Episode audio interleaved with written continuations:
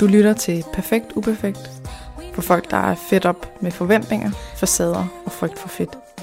Mit navn er Katrine Gissiker. Velkommen til.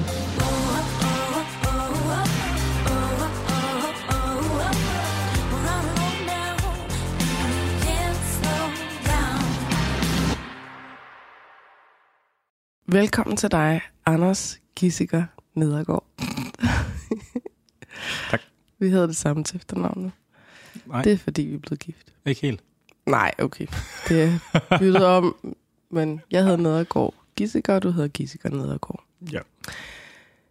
Jeg har øh, inviteret dig her hjem, hvor du bor, fordi at øh, vi har et øh, en helt ny ting i, i vente. Vi skal lave sådan et øh, styrketræningskursus, som vi har valgt at kalde kroptur, øh, som, hvor vi egentlig godt lige i dag vil snakke lidt om øh, alt det ligger bag det, sådan så at hvis man øh, nu er derude og ikke lige kan være med, så kan man måske alligevel få nogle værktøjer og gøre sådan nogle tanker og alt sådan noget i forhold til at kunne bruge sin krop. Ja. Så vi skal ikke snakke så meget om, hvem du er. Nej. Vi skal mere bare get to it. Vi vil faktisk have svært ved at finde ud af, hvad vi skulle kalde det. Ja. Jeg synes, vi er nået et rigtig godt sted hen. Forløbskursus, coaching, hjælp til selvhjælps, camps, Mm-hmm. noget. Styrketræn, praktisk styrketræningskursusforløb, synes jeg, det skulle hedde. Ja. Men ja. Og du har fundet på frasen fra kropsur til kroptur. Ja. Yeah. Det var cheesy nok til, at vi godt gad bruge det. ja. Så kan du sige lidt om vores tanker bag det. Og jeg skal måske lige sige, at øh, det er kategorien øh, madmotion og nej, krop, mad og motion. Nu kan jeg ikke huske, hvad jeg endte med at kalde den. Men øh, med understregning på krop og motion. Øh, jamen, hvor, uh, ta- tanker, ja. Øh,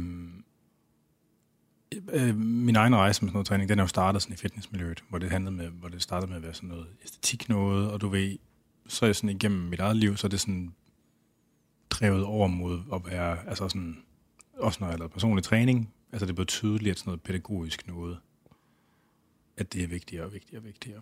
Og jeg har ligesom der haft den her oplevelse af, at øh, og, og jeg har, når jeg har haft personlig træning, så har jeg primært arbejdet med styrketræning som værktøj. fordi det er det, der interesserer mig mest, og det, som jeg ved mest om, altså er sådan en indlysende, øh, den indlysende årsag. Men, men, men øh, altså det der ligesom med, når man laver noget med nogle folk, og, man, og de sådan bliver tryggere i deres krop.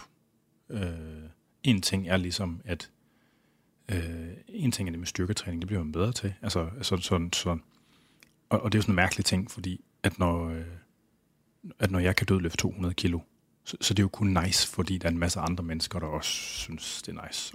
Altså, at det er ligesom en god ting. Ikke? Så ligesom det, at man bliver bedre til det, det er lige så fucking arbitrært, som at lære at stå på hænder, eller øh, køre cykel på enhjulet cykel, eller spille på sækkepibel eller sådan noget. Ikke? Øh, så det er ligesom, det, det, det er sin egen ting, at man, man bliver en del af sådan en eller anden referenceramme, hvor der er nogle ting, der er nice at kunne. Men derfor, derfor jeg har en oplevelse af, ligesom, at det der med at hjælpe folk øh, med at blive stærkere, det kan noget helt særligt. Det er ligesom, når man begynder at opleve uden for træningen, at man føler, at øh, man er mere kompetent, man kan mere, man er tryggere, man er ikke bange for, at man går i stykker.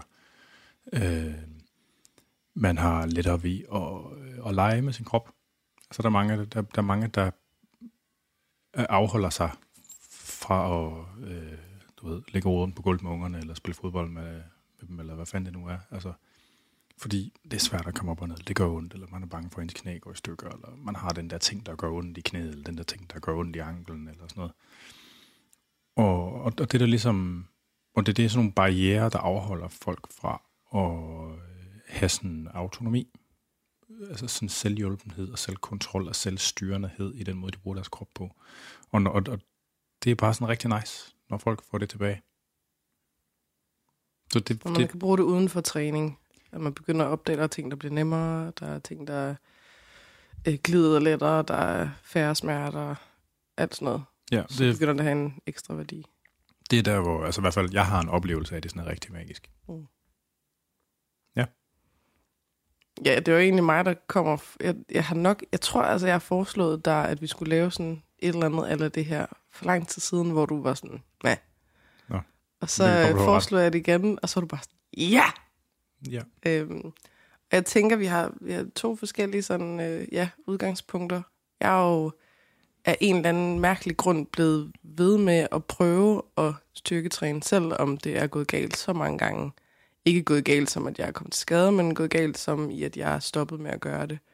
Ikke som et aktivt valg, men mere som en ting, jeg ikke mestrede. Jeg, ikke, øh, jeg kunne ikke få det ind som en rutine. Jeg synes, det var kedeligt. Jeg synes, det var hårdt. Jeg synes, det var svært. Jeg, jeg blev bare ved, at jeg har været medlem af mange fitnesscentre.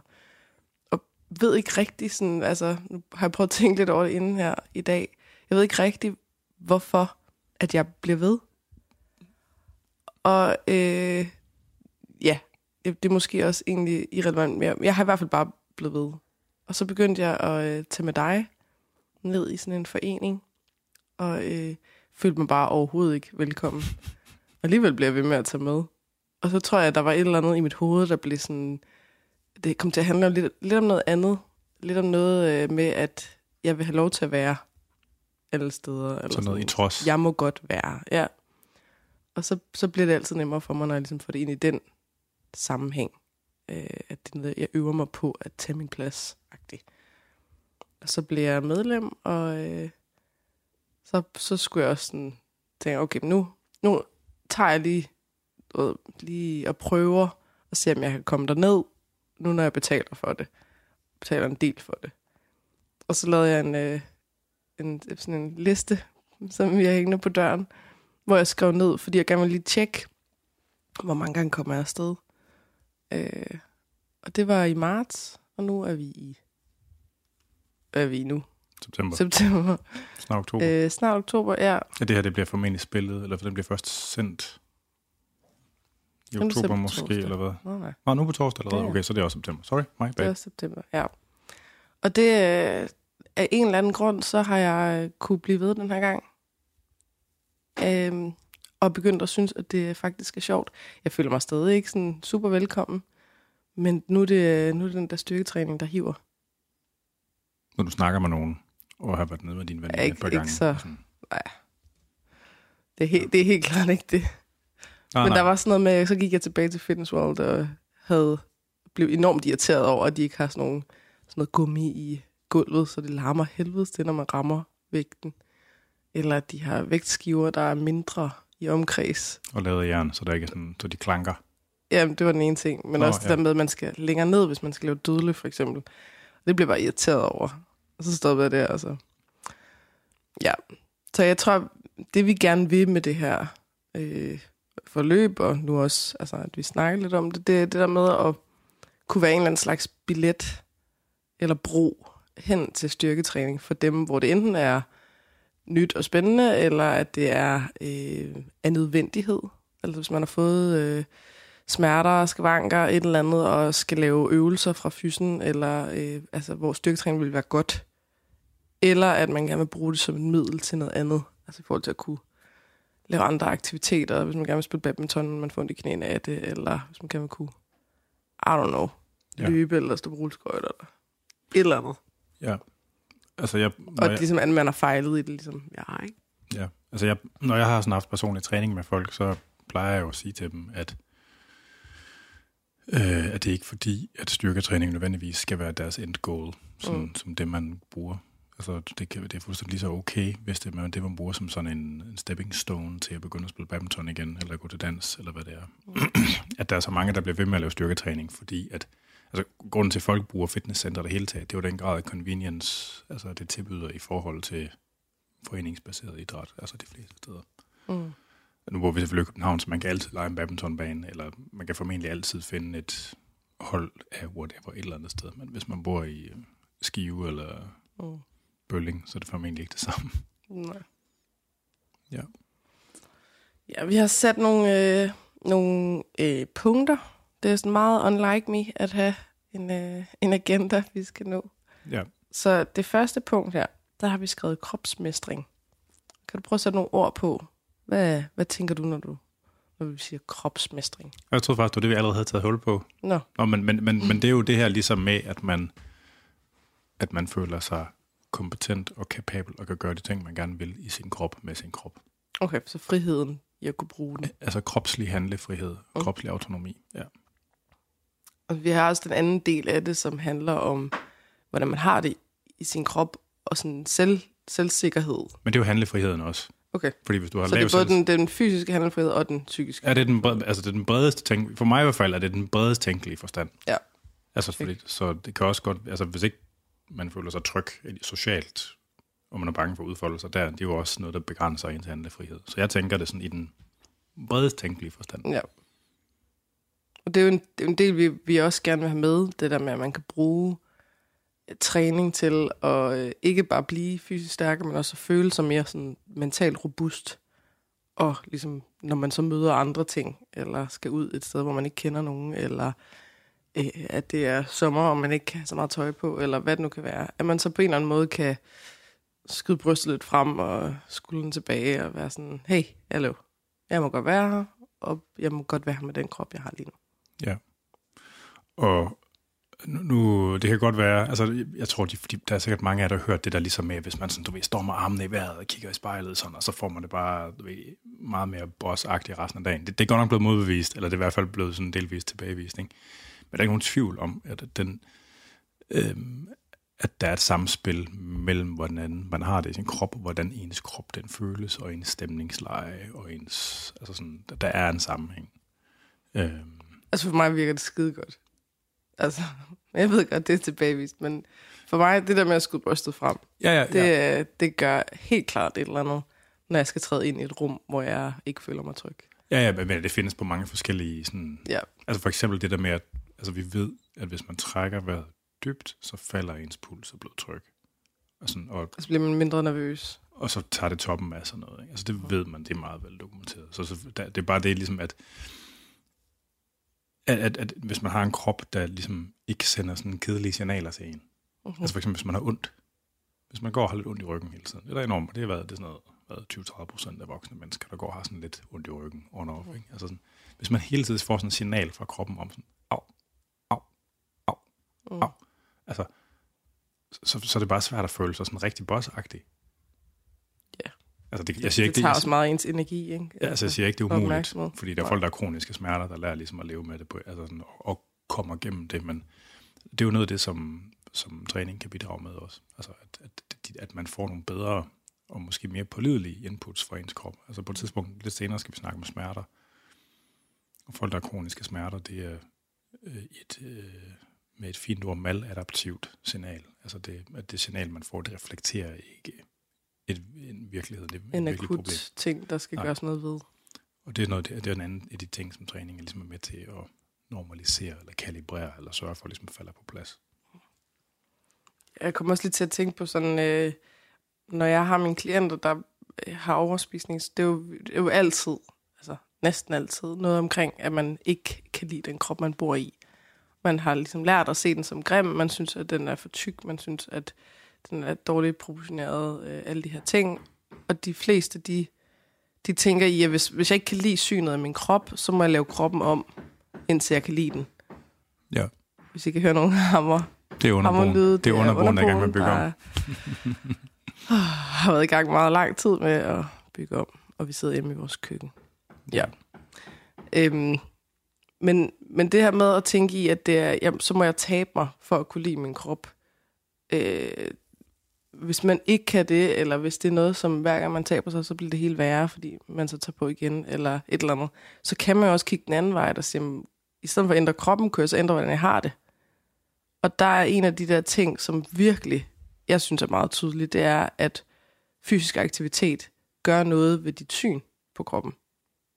Altså, at du kan have øh, været, øh, altså ligget en aften på sofaen, og så ligesom gået i spejlet og kan se, at der er en dobbelthage. Og så dagen efter, så kan du have været nede at træne, eller øh, ude at gå, eller et eller andet. Og så dobbelthagen væk. Det er sgu nok ikke, fordi den sådan ægte popper frem og tilbage, eller sådan... Øh, at der, der, kan det, der kan det også noget ekstra. Frøen. Ja. Ja. Så det kunne man også overveje at bruge det til. Altså, Ja. det er bare så, det er så drænende, og det gør en meget mere usikker, og alle de her ting, når man ligesom, når det der syn bare bliver helt distorted. Jeg har også prøvet et par gange til foredrag at spørge om, altså, få folk til at tænke over, hvor stor en del af de tanker, folk har om deres krop, det handler om, hvordan den ser ud i forhold til, hvad den kan. Mhm. Altså specielt kvinder er meget tilbøjelige til, at det er en meget stor del af tankerne, der handler om noget æstetisk. Det Mhm. kommer vi også til at snakke om lidt senere. Og det, er ligesom, og det er jo fordi, man ikke er vant til at være i en kontekst, hvor det handler om, hvad den kan. Og det måske er federe at have fokus på. Ja. Men ja, det når vi til. Den næste, det er, der har vi skrevet barriere. Øh, altså barriere over for at være aktiv. Og nu er Og have så, kropsmestring i virkeligheden, ikke? men nu er det sådan handl, altså barriere over for handlingen at øh, Ja, altså være ja. aktiv. Og nu tager vi det så i forhold til styrketræning. Og det er, jo, det er jo noget af det, som altså, jeg jo nok kommer til at have mest om. Hvor du så har om det praktiske og Men det er også barriere. og så videre. Hvad er også barriere? Altså for eksempel det, at, vi ikke, det, at man er i tvivl om, hvad man skal gøre. Det kan jo Nå ja, barriere, det praktiske barriere, ja. Ja, så det er, hvis vi prøver ligesom Du tager dig af de praktiske barriere, jeg tager mig af de mentale barriere. Altså, så, det, så, det, sådan så det, som vi ligesom gerne vil lave, det er jo, at vi forsøger at adressere alle de barriere, der kan være for at opnå den her mestring og den her tryghed. Men som et særligt fokus på styrketræning og det at være i et fitnesscenter eller træningscenter. Uh-huh. Øhm, og vi, altså, hvor vi, vi vil prøve på at komme hele vejen rundt. Ja. Øhm, og det er jo sådan, det spændende er jo lidt, at vi har jo nogle idéer om, hvad for nogle barriere der folk har. Ja, og det er sikkert, det er rigtigt. Altså, vi har jo nogle, vi skal have nogle forinterviews med folk, hvor vi skal snakke om, hvad de er. Altså, altså, Mm. øhm, Men en af de ting, er bare for, at vi også lige... At man også får noget med som lytter, at det ikke bare Ja, ja, virker som sådan en reklame-podcast. Øh, en af de ting, som jeg er ret sikker på, at vi kommer til at bruge meget, det er det, som jeg kalder det rød grød, fordi at det, jeg skrev rød-grøn i min bog, og så autocorrected den det hele tiden til rød grød. Og så var jeg sådan, okay, så kalder vi det rød grød. Og det, det handler om at tage den handling, man gerne vil, som man så øh, kan mærke, der er modstand på, at man så deler den op i små delelementer, og så farver man de delelementer, så de enten er grønne eller røde.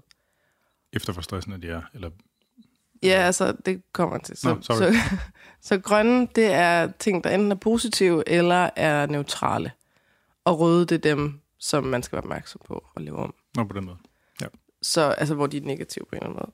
Og det er, det er jo sådan et altså sådan helt meget lavpraktisk, øh, basic øh, værktøj til at spotte. Og det kan så både være mentale barriere, men også øh, praktiske. Så hvis man tænker i, okay, men der er, det, det, den er rød, det der med at skulle ned, altså det at skulle hen til noget. Den er grøn, øh, når først jeg er kommet i gang. Så det vil være det klassiske rød, når man skal ned, rød som opvarmning, grøn, når man er i gang, grøn øh, bagefter, grøn, øh, når man skal hjem igen. Det vil være det sådan meget klassisk mønster, ikke? Så ved man, at det er, altså det er turen derned, jeg skal fokusere på at gøre anderledes, og det er opvarmning, eller hvad det kan være. Og opvarmning kan jo både være praktisk i forhold til, jeg synes, den opvarmning, jeg laver, den er kedelig. Øh, jeg, jeg ved ikke rigtig, hvad jeg skal, hvordan jeg skal varme op, øh, hvor lang tid, øh, alle de her ting. Men det kan også være mentalt, at man ikke føler sig tryg i starten. Altså at ens øh, niveau er sådan at være alert og øh, kigge rundt og tænke i, hvad, hvad tænker de andre, og hvordan ser jeg ud, og hvad har jeg på, og selv i min rygdel eller min mavedel, eller hvad det nu kan være. Og fremmedgjorthed i forhold til fitnessmiljøet. Præcis. Som jeg vil sige er en lille smule nemt at føle sig. Oh yes. Altså bare lige en lille let kritik. Øh, Det er ret svært at komme, synes jeg i hvert fald, udefra og, øh, og bare føle sig hjemme eller sådan i et fitnesscenter. Men det er jo fordi, at det der med fitness, det er ligesom sit, det er et selvstændigt statushierarki, hvor man kan være mere eller mindre fitness. Uh-huh. Altså, og der er helt tydeligt nogen, der, er, der er nogen, der er meget fitness. Og så hvis man kommer ja. og føler sig ikke særlig fitness, så er man jo bunden i det status, Det hierarki, det ja. hierarki, der følger med. Og det er aldrig nice at føle sig i bunden af. Mm. Og så, altså, der er jo nogle fitnesscenter, som formår det der med at skabe en eller anden form for, du sådan noget, så går jeg til det her dans hver tirsdag, eller et eller andet. Og hvor det er meget de samme, der kommer, og så videre. Jeg tror måske, det er mere ude i de små byer, end der er i København. Jeg synes godt nok ikke, der er meget i København. Men det der sådan community foreningsagtige, det er, det er der kun nogen, der, der mestrer, ikke? Ja, det må man sige. Jeg synes jeg bare generelt, at nu har, nu har jeg været meldt ind og ud af fitnesscentre, altså mange forskellige, mange gange. Og der er aldrig noget omkring, ligesom at sige, hey, øh, vil du ikke lige komme herned øh, den her dag, så har jeg lige en, der, der viser dig rundt og lige snakker lidt med dig, og øh, altså, kan fortælle lidt, hvad vi tilbyder og sådan noget. Det er bare, du skal bare hente dit kort på et eller andet tidspunkt, og så kan du selv. Ja. Og det synes jeg... Øh, Men det er der faktisk en god Ja. forklaring på. Og det er fordi den danske branche, det fitnessbranche, er en netto fitnessbranche. Man er, Ja. man konkurrerer, man er, da Fitness World kom, der begyndte man at konkurrere på pris. Og det er næsten alle ja. andre også synes, man skulle gøre. Og når man konkurrerer på pris, så bortfalder en masse serviceydelser. Og ligesom det, det alternativ, det er, altså man, det man skal huske på, eller det er ikke sikkert, man ved det, men det er jo, at fitness i Danmark, det koster jo mindre i forhold til vores øh, reelle ja, de fleste lande, koster det sådan noget, hvad, 800 kroner, 1000 kroner? Ja, det er to-tre gange så meget. Ikke? Og, Mm. og, Og her der er vi sådan, ej, 300 kroner, what? Ja, så hvis, så hvis der er nogen, der lavede et fitnesscenter, hvor man så havde den der ydelse, men hvor det kostede 800 kroner i måneden, ikke? Mm-hmm. så ville folk jo synes, det var dyrt. Men det, er jo Ja. det, men det er jo det, det kræver et eller andet sted, hvis man skal have den form for service, der hænger på. At der skal være mennesker til stede i centret, der skal have løn og sådan noget. Jo, jo, men man skal også tænke i, hvor længe bliver folk der. Ja, ja. ja. Fordi Lige præcis. hvis jeg ikke får en særlig god start, så er der ret stor sandsynlighed for, at jeg så ikke rigtig kommer i et par måneder, og så melder mig ud, fordi jeg synes, det er rigtig dumt, at jeg har brugt så mange penge, og så kommer jeg aldrig igen, fordi at jeg tænker, at det var ikke særlig fedt at bruge så mange penge uden at komme. Men det tror jeg er noget, der kommer til at ændre sig nu her med... Nu kommer der formentlig moms på fitness, så priserne Nå. kommer til at stige. Og, øh, fordi at så længe... Tror du, det højner serviceniveauet? Det tror jeg. Det tror jeg, fordi fitnessbranchen, undskyld, den her afstikker kommer. Nu gør vi det lige færdigt, så skal vi nok komme videre i dagens tekst. Det er, at det, man betaler for fitnesscenter, det er virkelig, at man betaler for adgang til noget træningsudstyr. Ja. Og, og hvis det skulle koste noget mere, det man skulle betale for, det var jo adgang til et community og nogle serviceydelser og sådan noget. Og det tror jeg, jeg tror, det er det, der skal til nu, den her krise øh, i fitnessbranchen, for at det kommer til at ændre sig. Det tror jeg. Mm. Vitterligt. Men sådan en, en service af, at der er nogen, der holder en i hånden i starten, det er Ja. jo det, som vi faktisk skal til at være. Ja. Og jeg vil da, altså, det er totalt klassisk at være det, man selv manglede, ikke? Men øh, Så, det der med undskyld vide- afstikkeren. jamen, nu er jeg tilbage. Ja, ja. Og ved, at, at vi to, vi står og venter på en, og så tager vi godt imod, og så arbejder vi med alle de her ting med, hvad er det for nogle ting, man er ekstra opmærksom på, når man står dernede? Øh, er der ting omkring ens beklædning, for eksempel? at Man synes, at øh, det er svært at, at have stramt fitnesstøj på, eller øh, altså, at man synes, man skal have makeup på, eller et eller andet den dur. Og så at man begynder stille og roligt at kunne, øh, kunne finde ud af, hvad er det for nogle ting, der ændrer sig for mig? Hvad er det for nogle ting, der påvirker, hvordan jeg har det, hvor tryg jeg føler mig, hvor nysgerrig jeg er i forhold til at prøve nye ting og så videre. Ja. Så vi skal i hvert fald bruge rød grød ja. en masse. Og så prøver vi jo ligesom på at trække på vores erfaringer i forhold til, altså når man, har, når man har prøvet at lave vejledning, en til en vejledning med folk, så kommer man, eller har haft mange af dem, så begynder man at lægge mærke til, at der er en del ting, man siger til langt de fleste. Uh-huh. Øh, sådan har vi det begge to. Øh, og i det her for- forløb, vi laver, der bliver, prøver vi på ligesom at lave en blanding lidt. Ikke? Så vi prøver på at lave noget fælles undervisning, hvor vi siger de ting, som vi han har en oplevelse af at sige til langt de fleste, og så prøver vi på undervejs at lave noget en-til-en sparring, hvor vi prøver at samle et individuelle ting op. Mhm. Øhm, fordi ligesom, der er forskellige typer af lektier og hjemmearbejder, der hører med til forskellige typer af barriere. Øhm, så det er det. Så vi prøver ligesom at lave sådan en skale, lidt skaleret version af det, vi norm- normalt vil gøre, ikke? Som, så når vi har en til en vejledning. Og så laver vi lidt sådan en gryderet af det, af, af hvor det vi hver jeg har gjort. Jeg jeg er ikke helt sikker på, at jeg er enig, men, Nå, okay. men jeg, jeg har det slet ikke i samme grad, det der med, at der er et eller andet, man ligesom siger ret tit. Nå. Men, øh, men det tænker jeg, det er der nok mere med styrketræning. Det er jo helt nyt for mig at lave sådan noget. Når man i forhold til adfærdsting, altså sådan, altså det, det, det du Ja. laver, ikke? Altså der er vel noget der. Ja. Ja, rødgrød for eksempel, ikke? Ja. Men vi kommer også til at bruge de her zoner, som hvis man er fast lytter af min podcast, så kender man dem ret godt, tror jeg. Men øh, grøn, gul og rød zone, hvor man har grøn inde i midten, og gul uden for den, og rød uden for den. Og at man så prøver at lægge ting i sådan, øh, altså sværhedsgradsmæssigt, at man så prøver at sigte efter ting, der ligger i gul zone. Så grøn vil for eksempel være at blive hjemme. Det vil være dejligt trygt. Der vil ikke være noget, der bliver udfordret. Og rød, det vil være at starte med at gøre noget, der var for skræmmende. Altså start med at tage det strammeste fitnesstøj, du har på. Tag til CrossFit. Øh, eller? start med at tage til CrossFit. Start med at, at være i noget, hvor alle andre er ekstremt meget bedre end dig. Øh, eller alle er meget tyndere end dig. Eller altså et eller andet. Eller også noget med, at man starter med at sige, okay, så skal jeg gå der tre gange om ugen. I stedet for at fokusere på første gang. Eller jeg skal være der mindst en time. Eller et eller andet. Og gul zone vil så måske være, at, øh, at man starter med at tage dig hen for bare at kigge. Eller at man starter med at, øh, at tage noget tøj på, man er sådan rimelig, rimelig tryg i, fordi at det er noget, der holder ind på maven, eller et eller andet, så man ligesom øh, ikke er lige så opmærksom på den, eller hvad det nu kan være. Eller man måske har en veninde med, eller øh, tager ind til et hold, eller hvad ved jeg. Og at man måske må gå undervejs. Altså man giver sig selv en tilladelse. Ja. Ja. Altså, nu, nu er jeg her bare lige for at, at undersøge og lige blive tryg og sådan. Og så ja. kan jeg komme igen næste gang, og så kan jeg måske lidt mere. Og der gælder det om at bruge den gule zone til ligesom at gøre den grønne større. Man udvider den, og hele tiden kan komme fremad, men kun lige med et skridt, så, man ikke, så det ikke backfire, og man så er endt med at melde, melde sig ind og være betale rigtig mange penge for ikke at komme. Ja. Det vil altså, være tegn på, at man er ude i rød zone. Ikke? Altså det der begreb, altså ligesom, ligesom med ikke for meget og ikke for lidt, men det der midt imellem, altså mm. det er jo mhm. noget, der går igen i didaktik og i altså rent fysiologisk i træningseksponering. Altså at den mængde og intensitet af træning, at der er det fuldstændig det samme, ligesom at det er ikke for lidt og ikke for meget, men er mhm. stadig lige midt imellem. Og der er det jo ligesom, der, der ved jeg noget om, hvad det betyder helt konkret. Ja. Og heldigvis, så skal der meget mindre til, end de fleste folk går og tror.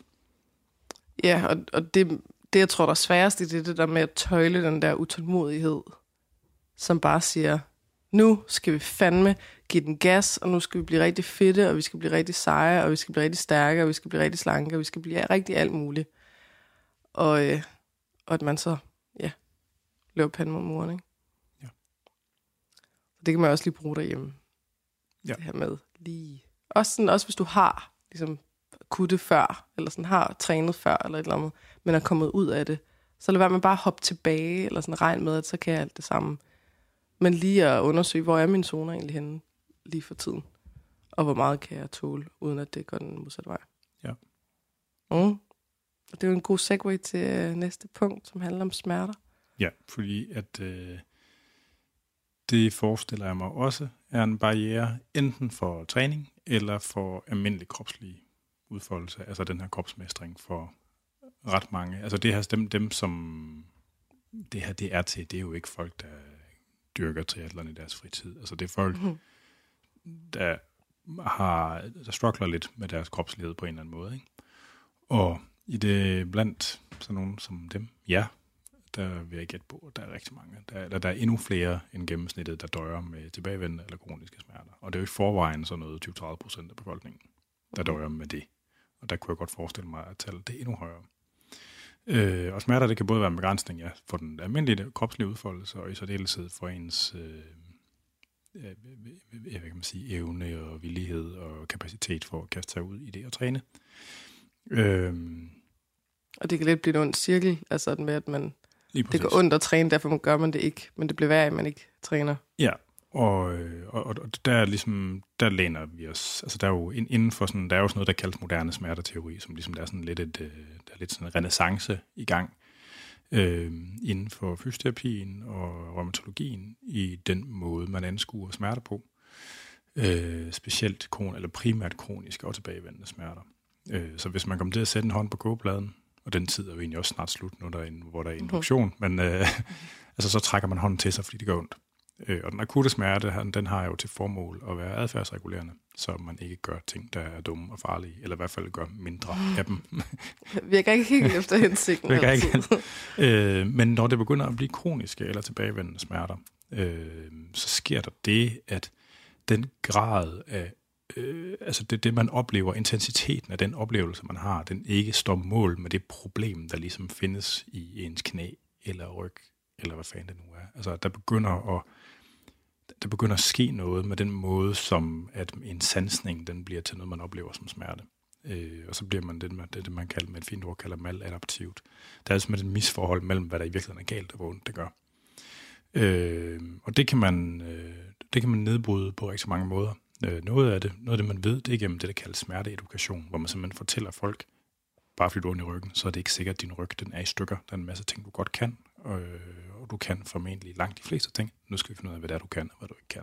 Eller, eller måske ikke engang ikke sige, hvad du ikke kan, men opbygge kapaciteten af det, man kan. Og så sker der faktisk ofte det, at der er en meget udtalt smertereduktion alene af at internalisere den viden, mm. hvilket er ret whack. Altså det virker lige så godt som almindelig fysioterapi, altså en session almindelig fysioterapi, at man bare har sådan en session, hvor man får smerteedukation. Øh, en anden ting, det er så, at, øh, at, at hvis man for eksempel har ondt i ryggen, når man så begynder at træne sin ryg, så ser man, at øh, smerteniveauet det falder. Øh, forudsat, at eksponeringsgraden er rigtig, så det ikke er for lidt og ikke er for meget. Men ligesom at det er gulzone. At, at det er gulzone, ja. ja. Øh, og øh, det, det, det, altså sådan, som du siger, ja, hvis man ikke laver noget, det er jo så det der med for lidt, ikke? Altså så har det det med, at smerte, det, så fastholder man smerten i den her onde cirkel, ligesom hvor den er. Øh, og hvis det er for meget, så, øh, så er det selvfølgelig heller ikke godt. Og det, det, der, der nu, lige den næste segment skal vi snakke om, hvorfor styrketræning. Altså jeg kan ligesom godt allerede tage hul på det nu, at, at øvel, altså at, at fysisk aktivitet, der har karakter af øvelser, hvor man ligesom kan, meget tydeligt kan kontrollere, hvad der sker, de er simpelthen bedre til det der, end at begynde at spille volleyball, eller øh, danse eller sådan noget, fordi at det er svært at kontrollere bevægeudslag og hastigheden af bevægelserne og alle den slags ting, mens man laver sådan en sport. Og der er det en god idé, altså som man siger, genoptræningsøvelser, de har også karakter af ligesom at være sådan en, en meget afgrænset bevægelse, man gentager. Det, det er noget en af de ting, som styrketræning er god til. Øh, så der er både ligesom, der, der er både et element af, at ens hjerne den begynder at, at stole på, at det er sikkert at gøre de her ting. Og der er også et element af, at øh, nu er der sikkert nogle af de der moderne smerteteorier også, og det bliver super på mig, hvis de hører det, men så må de jo øh, komme at me, bra. Øh, men for, for eksempel, hvis man har øh, hvis man har ondt i knæet, hvis man har springerknæ, meget, og meget almindelig kilde til knæproblemer, at der er også noget, der tyder på, at det der faktisk ligesom er bedst til, altså at, at, det, at, at styrketræningsøvelser påvirker vævet i en måde, der gør, at vævet også bliver bedre. Vi ved ikke, hvor meget af smerten, der kommer fra knæet. Vi ved ikke, hvor meget der skyldes den måde, som vores hjerne og centralnervesystem processerer sansesignaler fra knæet på. Og det er også næsten umuligt at finde ud af, om det er det ene eller det andet. Men det tyder bare på, at det at træne, det påvirker begge dele. Det var det, jeg prøvede på at sige.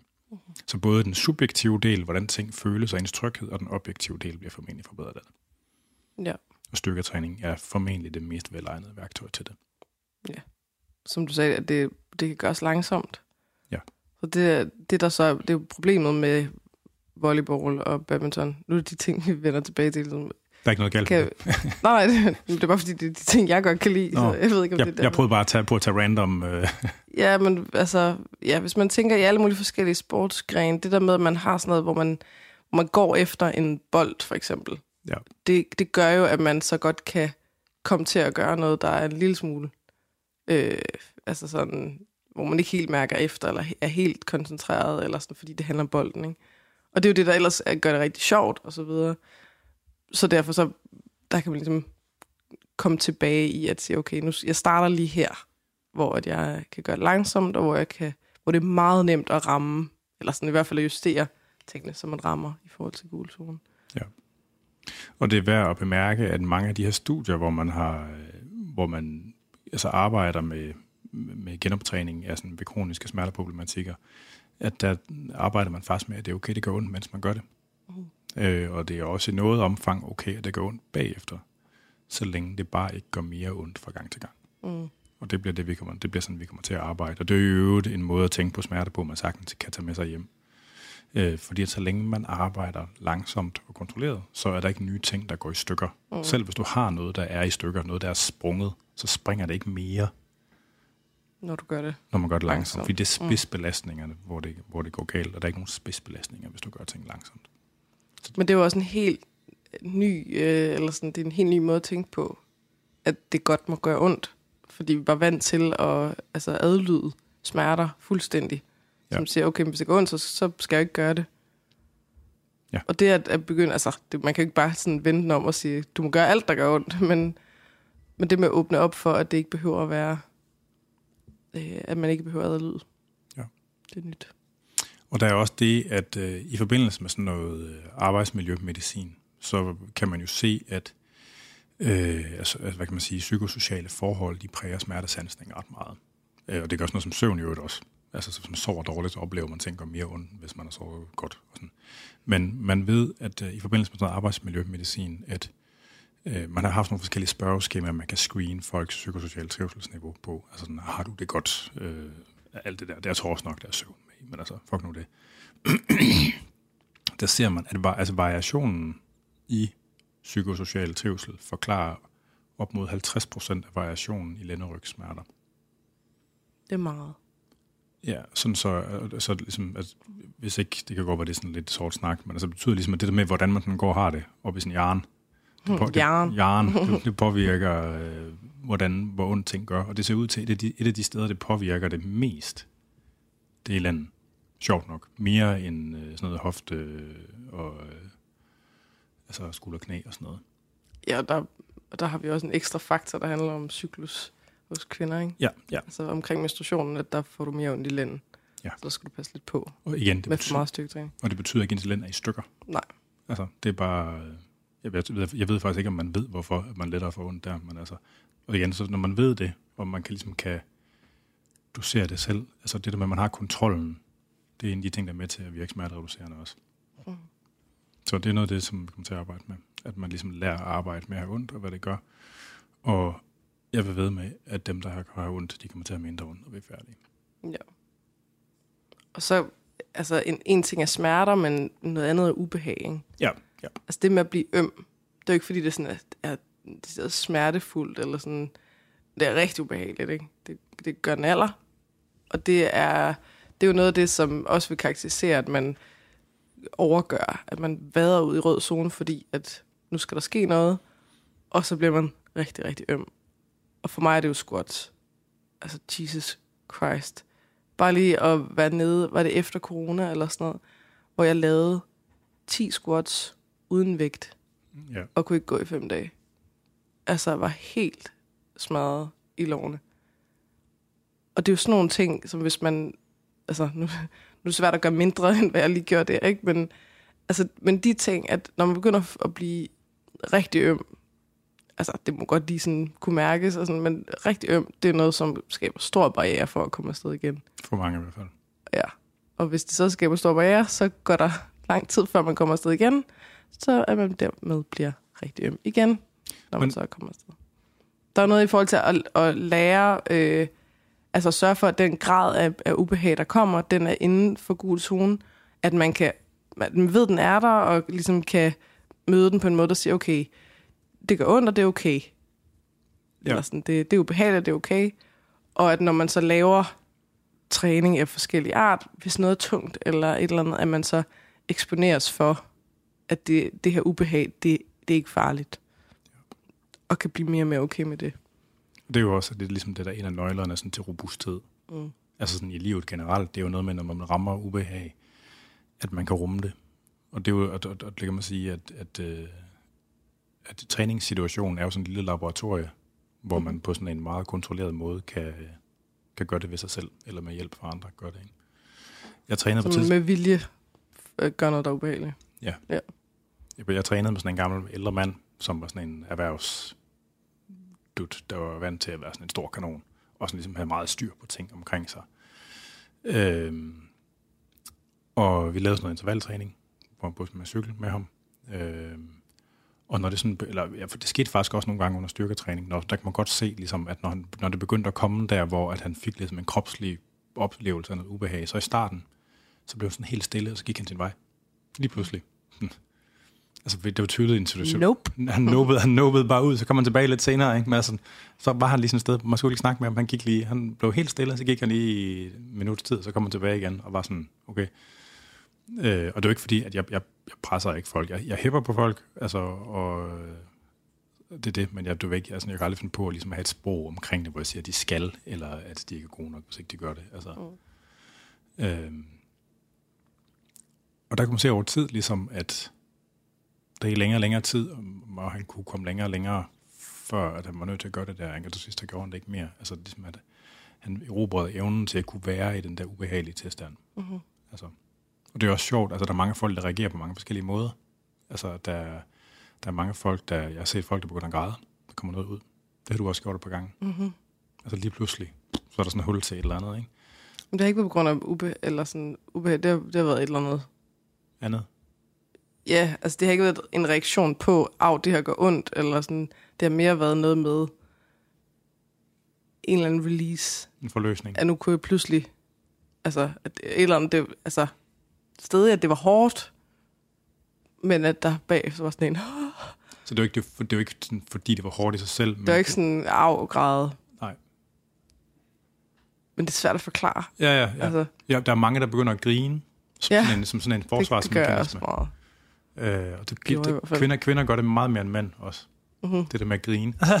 og så, og så, så, så, du skal ikke ødelægge det for os. Nå, nej, overhovedet ikke. Det, er det ikke gør sådan. også det her sjovt. Men, men det er jo, nå, men det er men jo ja, også... det er fordi, man bliver utilpas. Og, og så er det sådan en forsvarsmekanisme. det er svært, ja. Og det, og det er okay. Det er fuldstændig okay. Men, men det er bare rart, at man ved, hvad det er. Fordi at det, det, altså, viden om det er ligesom også vigtigt for at forstå, mm. altså sådan, altså, hvornår det sker, hvad det sker, hvad man kan gøre. Og sådan, ikke? Ja. Ja. Jeg synes godt nok, det var, det var lidt grænseoverskridende første gang, jeg sådan kunne mærke, okay, fuck, nu begynder jeg at græde. Hvad synes alle de der buffemænd, der står rundt omkring mig om det? Og så blev det også, så, du ved, jeg skal lige have det over i den rigtige kasse i mit hoved, til at sige, ved du hvad, jeg må fandme græde, uanset hvor jeg er henne, uanset hvem der er der. Ja, det må man. Og så har jeg også haft sådan nogle, hvor jeg virkelig er, er blevet sur på nogen dernede, eller sådan, har følt, de virkelig gjort det svært for mig at føle mig velkommen. Ja. Og så har jeg grædt over det, og så løftet nogle vægte, og bare sådan, kraftedeme, fucking, eller eller andet. Ja. Ja. Over for din ven, den der. Det var jeg ret stolt af. Lol. Han var også sådan, du, du så godt nok også lidt, øh, lidt ramt ud. ja, det var jeg også. Bare stå ja. ved det. Ja, så nu, det næste punkt, er det, er vel det, Har vi mere med hvorfor styrketræning, eller har vi, har vi rundet det, du har tænkt med det? Øh, skal jeg tænke mig om? Mm. Altså det, det gode ved styrketræning som pædagogisk værktøj, det er, at det er ekstremt let at, dos, at dosere og skalere. Ja. Så man kan kontrollere hastigheden af bevægelsen, man kan kontrollere bevægeudslaget, man kan kontrollere belastningen, og man kan næsten altid finde, altså der er ikke, det er ikke fordi, der er noget galt med kropsvægtstræning, eller altså sådan, Øh, der, er noget, der er lidt galt med maskiner, det vender vi tilbage til lidt senere. Altså fordi det kan også give belastning, altså det kan også fungere som styrketræning, øh, men der er en grund til, at vi, vælger, vi vælger ligesom at bruge styrketræning med fri vægt som det primære værktøj. Det er meget let at skalere både inden for øvelsen og finde nogle versioner, som folk man kan med. Øh, og, det, og, øh, og vi ved noget om, om, om hvor, hvor meget eller hvor lidt der skal til. Altså, og det er også en del af det, der er ret vigtigt, at når man er utrænet, så skal der utroligt let til. Meget mindre. Ja, før det virker. Meget mindre, end de fleste folk går og forestiller sig. Og ikke kun, at der skal mindre til, for at det virker. Der skal også mindre til, for man ligesom er, hvad skal man sige, mættet med hensyn til træning. Altså hvor at det ikke, man ikke vil få mere ud af at lave endnu mere. Ja. Øhm, og for folk, der ligesom ikke har en, en stærk træningskultur og kropslighed, der er, det, der er det ofte en besked, der gør det lettere at tage hul på. Mm-hmm. Der skal virkelig, altså der skal meget lidt til, for at man kan have væsentlige fremskridt, og kan blive ved med at have det i meget lang tid. Ja. Så sådan, som man bliver mere og mere trænet, skal der selvfølgelig mere og mere til. Øh, ja. Men de, for det første lange stykke tid, der kan man nøjes med meget, meget lidt. Og det giver mening, og det, det er sådan meget praktisk, både i forhold til den tid, det tager, fordi at det, det der med, hvor meget tid man vil bruge på træning, det er jo også en del af det der barriere noget. Det giver mening i forhold til, ligesom, hvor hårdt det skal være, og det giver mening i forhold til alle mulige andre ting også. Øh, Ja, man kan også justere ting ud fra ens humør, og hvor man er henne mentalt. Altså, ja. Det er ikke kun i forhold til, hvad du kan, og, og hvordan det går ondt, men også, er du et sted, hvor du kan mærke, at du, altså, du har virkelig øh, haft en eller anden oplevelse, og dit arousal-niveau er højt, og du er vred eller frustreret eller et eller andet, så kan godt være, at der skal noget mere eksplosivt til, eller noget tungere, eller et eller andet. Men hvis du er et sted, hvor du kan mærke, at huh, det i dag, der er flaky eller rå, så kan det godt være, at det måske er mere noget langsomt og roligt og groundende, eller et eller andet. Ja. Ja. Så har vi, hvad kan det at blive stærkere? Jeg vil faktisk gerne have, at du starter. Nå. Øhm, Du er blevet stærkere. ja, det er jeg faktisk. Jeg har jo rent faktisk lige øh, lavet en PR i dødløft, hvor jeg har løftet 100 kilo. Meget stolt af mig selv. Jeg var også lige ved at besvime bagefter, men det er sådan en sag. Men det der med at blive stærkere, det øh, jeg har i hvert fald, øh, jeg, jeg har kunnet mærke forskel i forhold til sådan noget med øh, smerter i. Altså jeg har jo haft en del knæproblemer, som er kommet af wakeboard, fordi jeg har været en idiot, når jeg har landet på vandet. Så har jeg ligesom bare haft stive ben, eller i hvert fald det ene ben stift. Øhm, og det har også gjort, at når jeg har gået lange ture, for eksempel, så har det gjort ondt. Det gør det ikke mere. Nå. Jeg er lidt spændt på, sådan, om jeg vil kunne løbe, fordi jeg har haft en del skulderting med løb. Øh, men min lænd, den har jeg haft problemer med. Den er, det har jeg heller ikke i samme grad. Nu er jeg bare øm i lænden, fordi jeg træner, eller sådan, men ja. Men der var også, der var også et tidspunkt, hvor jeg ikke engang huske, kan du huske, hvad det var, hvor at jeg, øh, var det var på Roskilde? Mm. Altså, jeg plejer mentalt at have en ekstrem lav tolerance over for det der med ikke at sove så meget, eller at drikke alkohol, eller især begge dele. Og så havde jeg en nat, hvor at, ja, jeg slet ikke sov. Så jeg, jeg tror, jeg sov en halv time. Vi var kommet hjem klokken to-tre stykker. Øh, og så skulle vi op og være på arbejde igen klokken 9. Og jeg sov lige en halv time, time, og så vågnede jeg, havde det helvedes til at skulle kaste op og alt sådan noget. Og så sov jeg bare ikke resten af natten. Og, og så tænkte jeg bare, jeg klarer ikke den der dag. Altså det, det kan jeg ikke. Det var hvad, 12 timer eller sådan noget, hvor vi skulle være på arbejde. Og det klarer jeg alligevel. Og det, du har i hvert fald en hypotese om, at det handler om, at jeg altså, at træning har gjort mig mere robust i forhold til det. Jeg synes, der har været mange gange, hvor der har været sådan noget, hvor du normalt ville være slået lidt mere ud, eller sådan Mhm. mere ud af kurs. Hvor Ja. du ikke var slået lige så meget ud af kurs. Nej, jeg tænker måske også, det, det kan også være det samme med brylluppet. Altså natten, den, den natten, altså bryllupsnatten, der, øh, der sov jeg ikke. Øh, og det handlede ikke om, at jeg var fuld. Jeg stoppede med at drikke meget tidligt. Sådan noget klokken 4 om eftermiddagen eller sådan noget. Øh, og har- har slet ikke noget at være fuld, så det har, ikke, det har ikke noget med alkohol at gøre. Og så sov jeg ikke, fordi jeg havde det, jeg havde det virkelig dårligt. Øh, men dagen efter, jeg var op klokken ja, halv ni og rydde op og gøre klar og alt sådan noget til klokken tre. Og så kørte vi hjem. Og jeg var da træt og sådan noget, men jeg, jeg synes slet ikke, at jeg var... Jeg har det med, at det ligesom påvirker mig meget psykisk, ikke? hvor jeg bliver meget grødlabil og meget øh, irritabel og altså, får sådan lidt depressivt øh, sind. Og det synes jeg da ikke, at jeg har oplevet. Mm-hmm. Nå. Ja. ja. øh, Det ender med at lyde som sådan en lang reklame for Nå. styrketræning. Nej, men det, det kunne, andre ting. kunne- Du har også gået til volleyball. Du, du, Ja. altså, du spillede volleyball, og wakeboardet lidt hen over sommeren også. To gange. Nå, sorry, jeg troede, det var flere gange. Nej, nej, men det er jo også lidt det der med, hvis man kigger på altså det der med sundhedsadfærd, og specielt, altså jeg tænker klart på det at lave en eller anden form for træning eller fysisk aktivitet, som sådan, vi også, altså vi har lavet flere sådan noget almindelige, altså sådan, du ved, spillet badminton og gået lange ture og sådan noget, altså at man sætter ting på kontoen, man sætter po- point på kontoen, så når der kommer de der dage, hvor man er syg, eller man er kommet til at drikke et par flasker rødvin, så øh, der skal lige, Alle de der stressede arbejdsperioder, hvor der Den- bare de er, trækker det hele kontoen. ramler sådan Altså, oven så- hinanden. så står der nok på kontoen til, at man ikke går i overtræk, når, de, når det, det dag kommer. Mm. Og, og, og det skal forstås igen i den bredest mulige forstand, for jeg tænker mig, altså, jeg har, jeg mener bestemt, at, at, ligesom at alt det, det psykosociale og det kropslige, det er den samme konto, det bliver trukket fra. Øh, men sådan helt bogstaveligt i forhold til det der med at blive stærkere, altså at, at det, der er rigtig mange, der er, sådan er fundamentalt utrygge ved deres krop. Øh, og, og, og, og det at bruge den. Og det synes jeg er synd, fordi at det er det sjoveste legetøj, som, øh, vi har. Mm-hmm. Og det er rigtig ærgerligt, når man sådan føler sig begrænset i forhold til det. Altså, og, og vi ved også sådan fra, faktisk fra sådan noget sportsepidemiologi, at noget af det, der bedst beskytter mod smerter, eller det, der bedst beskytter mod smerter, det er ikke mod smerter, mod skader, altså mod ting, der går i stykker, i stykker i kroppen. Det, der bedst beskytter mod, at kroppen den går i stykker, det er at være stærkere i de relevante bevægelser.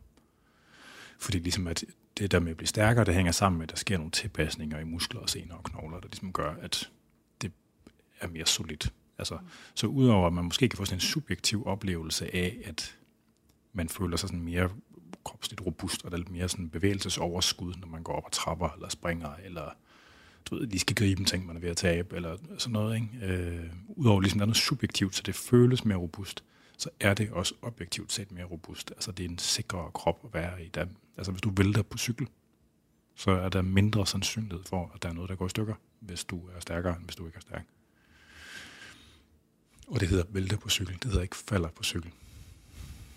Kommer an på, om Man er fra Sjælland, eller cykler og falder ned på cyklen. så er det jo ikke at vælge.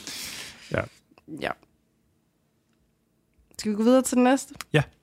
Det er øvelses, øvelse versus træning. Ja. Jeg ved ikke helt, hvad du mener med det, men... Men det er jo det her med, at øh, det, han, i virkeligheden så kan man, kunne man også godt have skrevet proces versus resultatmål. Okay, check. Øh, og det var lidt med, og det, altså det, det her det med referencer til det med maskintræning versus sådan fri styrketræning. Øh, fordi at øh, når jeg, tager, når jeg sådan tænker på styrketræning, så tænker jeg på det som noget, man øver sig på. Man øver sig bare tilfældigvis på noget, man bliver stærkere af. Mm-hmm. Øh, og, og, og, det, og ligesom, så der er sådan en grad af mestring. Det er noget, man bliver bedre til. Altså, det, handler ikke kun om, hvor meget man kan, hvor stor en vægt man kan løfte. Det handler også om, at man gør det med en bestemt teknik. Øh, og, altså, og det, hvor man kan sige, hvis man sidder i en maskine og skubber klodser, altså så det der med teknikelementet, det bortfalder, så ligesom elementet af mestring, det bliver mindre udtalt. Mm. Øh, og, og det her ligesom med at fokusere på teknik og, og sådan motorisk mestring og sådan noget, det inviterer mere til, ligesom at, man, at man får et fokus på proces frem for resultat. Og det er, det, det er en god ting i forhold til læring og fastholdelsesgrad og sådan noget. Og det der ligesom med, at man ikke kun bliver stærk, eller det der med, at man kan blive dygtig, uafhængig af, om man kan blive stærk, så er det sådan to forskellige kriterier. Ikke? Selvfølgelig, hvis man bliver meget dygtig, så er det lettere at, blive, at flytte mange ting. Altså sådan.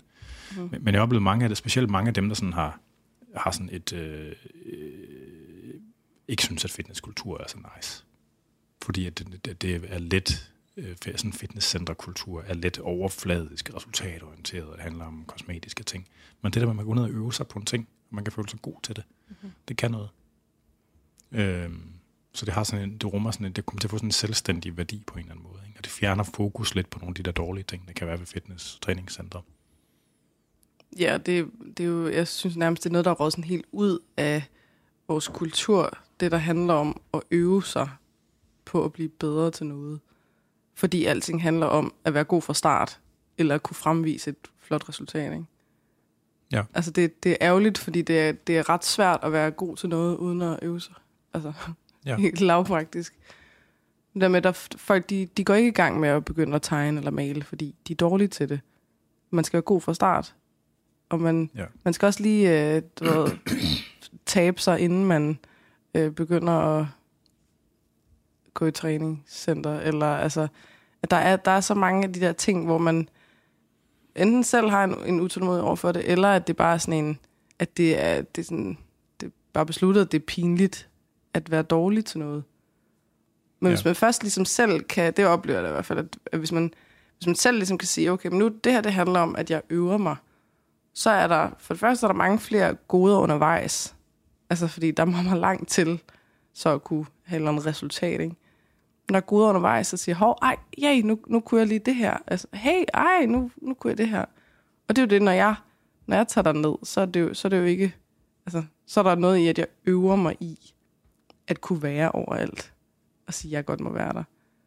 Så er det ikke et resultat om, altså et eller andet, jeg kan vise frem, men så er det, at jeg får en succesoplevelse af, at i dag, der, der kunne jeg faktisk gå hen og sige hej til den der person, eller i dag, der kunne jeg bruge den her slags skiver, som ellers er nyt for mig, eller jeg kunne, jeg kunne en anden øvelse, eller et eller andet. Øhm, men også det, at man har en, en eller anden form for ydmyghed over for det, og slipper hele det der præstationsnået, og at presse sig selv og alt muligt. Det handler mere om, at nu, nu øver jeg mig. Det gør jo også, at andre mennesker omkring en bliver mere... Øh, altså, så er der ikke pludselig det der spil med at være, at man skal være hvem er den bedste her, eller man skal lade som om, man kan det hele. Det skaber også et fællesskab om noget andet. Altså fordi hvis, Mm. mm. i, i, i, i et klassisk sådan fitnesscenter fællesskab, ikke? Der, er det ikke, der handler det meget om, hvordan ting ser ud. Mhm. Øh, og der er nogle andre fællesskaber, der handler om, altså, delve, altså ligesom der er forskel på bodybuilder styrketræning, eller fitness styrketræning, og styrke styrketræning. Og der er nogle andre fællesskaber knyttet til styrke styrketræning. Mm. Altså hvor man taler om, hvordan skal man gøre det, hvad hvis man står lidt bredere, og, og har du hørt om ham der, der kunne det der, har du set der er verdensmesterskaber i det, eller du er sådan, altså sådan, Ja, eller, hvor det ikke, hvor det, det, er ikke, det er ikke så relevant, hvor meget du kan løfte, eller hvordan du ser ud, hvor flad din mave Nej. er, alle de der ting. Men mere sådan, selve aktiviteten Ja. på den måde. Ja. og at man måske kan noget mere, end man kunne sidst. Ja. Og så ligegyldigt, om du er gået fra 5 kilo til 10 kilo, eller om du er gået fra 200 kilo til 220, eller hvad ved jeg. Ja. Det er mere det, at der er en progress.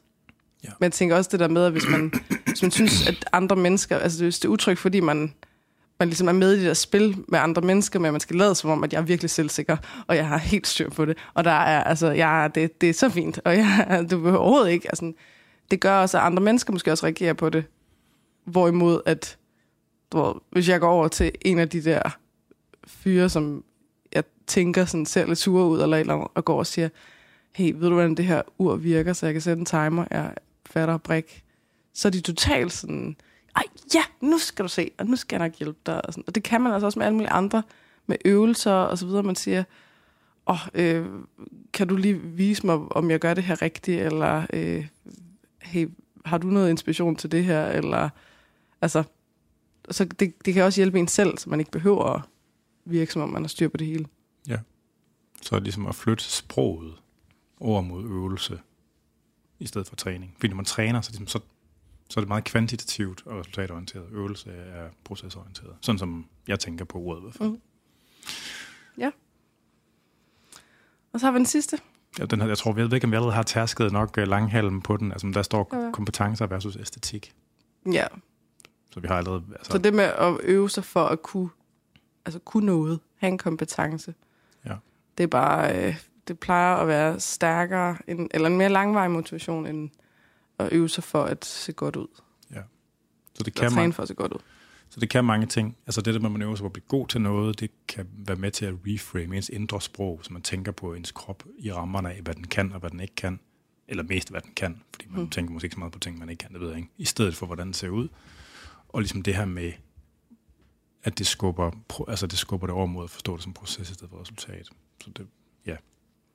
Mens at æstetik, og, altså det er noget helt andet. Ikke? Det er et resultat i sig selv. Og derudover så ens syn på, hvordan ting ser ud, er super, super farvet. Ja.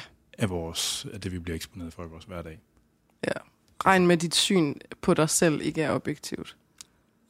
Hvor, altså, og, præcis, det er per, altså, per definition ikke objektivt. Altså, og, øh, man har ikke særlig meget bevidst kontrol over, om man synes, øh, det der det er tykt eller tyndt, for eksempel. Mm. Altså, Mhm. det er noget, som der, der bliver hamret ind i vores hjerne ubevidst. Ikke? Mm-hmm. Mens for eksempel, om man har den rigtige teknik, når man øh, skal skubbe en ting over hovedet, det er noget, der er defineret i en gruppe. Mm. Og, og i øvrigt, som er sådan noget selvkorrigerende, fordi det er næsten kun en rigtig måde at gøre det på, så ligesom så kroppen søger i et eller andet omfang selv derhen, ikke? Hvis, Mhm. man, hvis man har en god kropsfornemmelse af sig selv, i hvert fald. Så man tager det ligesom, ved, ved at tænke på kompetencer, der tager man det også hjem Mm-hmm. til, til et domæne, som det er lettere, og, eller som man har mere indflydelse på. Altså det der med, hvordan ting ser ud, det er vidderligt. Det går, man tror, at det er en selv, der vælger, at, om noget er pænt eller ej. Altså det er det virkelig, virkelig ikke. Nej. Og det er værst med sin egen krop versus andres. Det kan også stadig være på andres, at man har lært, hvad der ser godt ud og ikke godt ud og så videre, men det er især ens egen. Og det, det er det, der også argumenterer for, at måske, måske er det ikke, altså måske er det lidt skruen uden enden, eller Sisyfos arbejde, at man så prøver at gøre kroppen god nok til det syn, man har. Eller sådan, Ja. om så, altså, det æder med svært at, at få lavet så den krop, der er vores synet så bare sådan, så, ej, nu er den flot. Ja. Altså, fordi det afhænger af så mange ting psykisk, ikke? Ja. Så måske at skifte mere fokus til, hvad er det egentlig, der, hvad er det, der påvirker, hvordan jeg ser min krop. Ja. Og så hvis, hvis man gerne vil træne, fordi at man gerne vil tabe sig, eller fordi man gerne vil stramme op, eller fordi at man øh, vil bruge det som middel til færre smerter, man har fået nogle øvelser fra fysen eller et eller andet, så kan det virkelig være en idé at prøve at lede efter, om der er nogle andre ting. Altså noget andet, der kan fange dig, som er mere øh, givende nu og her. Altså hvor man så man glæder sig til nogle bestemte øvelser, eller man elsker følelsen af, når man ligesom får nogle aggressioner ud, eller øh, det der med at opnå sådan, hey, nu kunne jeg pludselig tage en øh, pull-up, eller et eller andet Ja. med en elastik. Hvad end det nu kan være. Altså sådan så, at alle de der gevinster, de kommer undervejs, og ikke først om xx uger, måneder, år. Det vil i hvert fald, øh, det vil jeg synes gav mening i forhold til at at man bliver med at komme, fordi man synes, det er fedt. Ja. Ja. Så vi kunne godt tænke os ligesom at gøre lidt det samme for træning og træningsadfærd, som man med kognitiv kostvejledning og madmentor og vanecoach gør med spiseadfærd på en eller anden måde. Altså, Ja, man man, sådan får en moderne- større autonomi, og at man kan se, hvad det er for nogle ting, der påvirker en, og dermed også få nogle svar.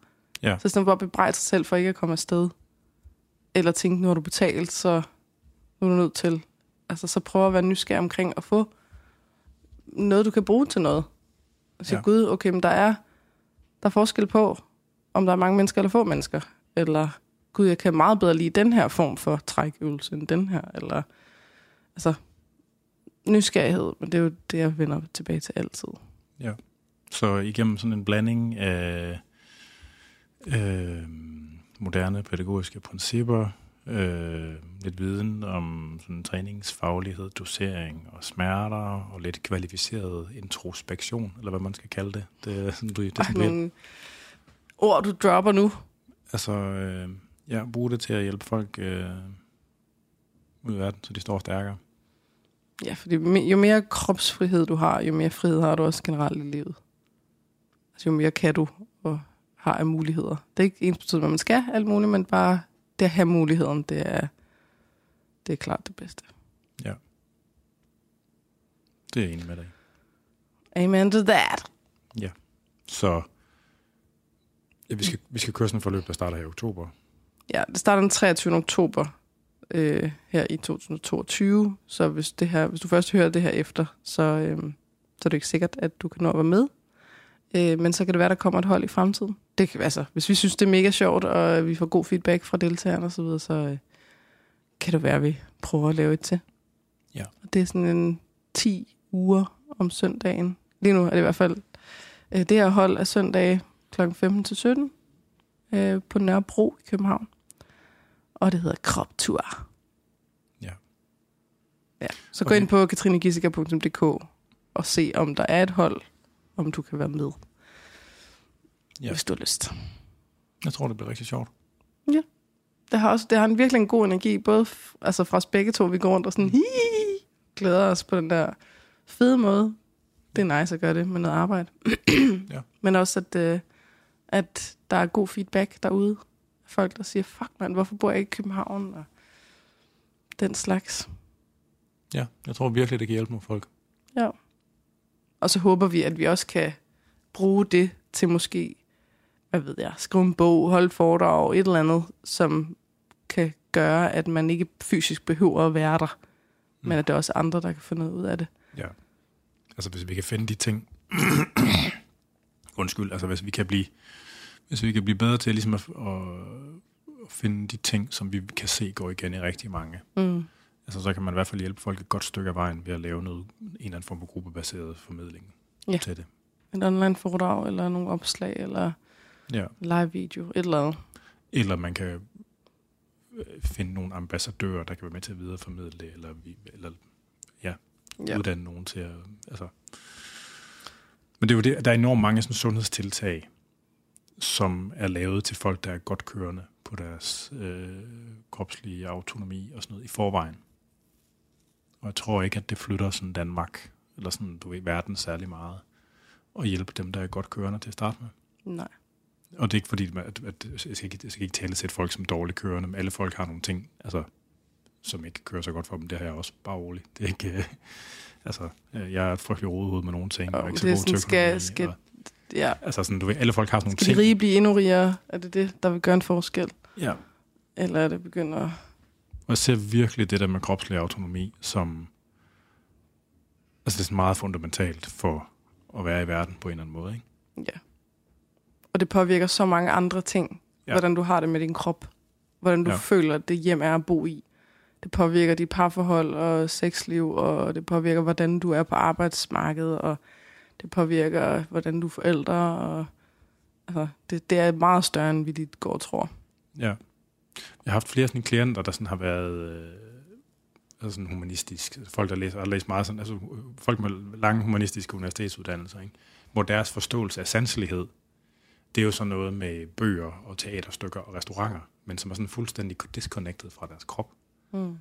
Altså, hvor det har været meget, altså, det har været meget sådan interessant at snakke, ligesom åbne sådan, eller være med til ligesom at, både i den måde, man taler med dem øh, om det på, men ligesom, og, og gennem de ud, oplevelser, man udsætter dem for, ligesom at, at åbne ligesom op for, at sanselighed, det måske, altså jeg vil jo mene, at den umiddelbare kropslige sanselige oplevet, lugte, smage, lyde, øh, at det er den altså, stør, altså største krop, altså sådan en grad af sanselighed. Og det er selvfølgelig subjektivt, det er min egen holdning, ikke? men ligesom at være med til at åbne den der dør der for det. Ikke?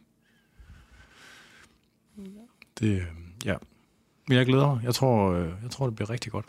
Ja, og hvis, øh, hvis nogen af jer, der har lyttet med derude, har et eller andet at bidrage med, tilføje, øh, sige, at sådan her er det for mig, eller øh, det her gav mening, eller mere af det her, så øh, tager vi glædeligt imod det, fordi det er jo sådan lidt et nyt emne.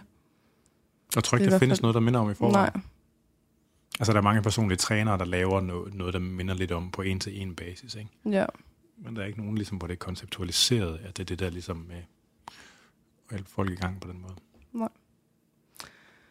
Så skal vi slutte. Ja. Øh, hvis man vil følge med hos dig, kan man gå ind på øh, Anders Nedergaard. På, nej, andersnedergaard.dk eller .dk. .dk. andersnedergaard.dk, altså på Instagram snakker jeg om. Nå, men det hedder min hjemmeside, og det hedder min Facebook-side, og det hedder min Instagram-side, så det er så let. Så det er bare så let. Så kan man se mere til dig der. Ja. Og så vil jeg ellers bare sige tusind tak, fordi du kom. tak. tak. Tak fordi jeg måtte. Skal jeg trykke på slut nu? Ja.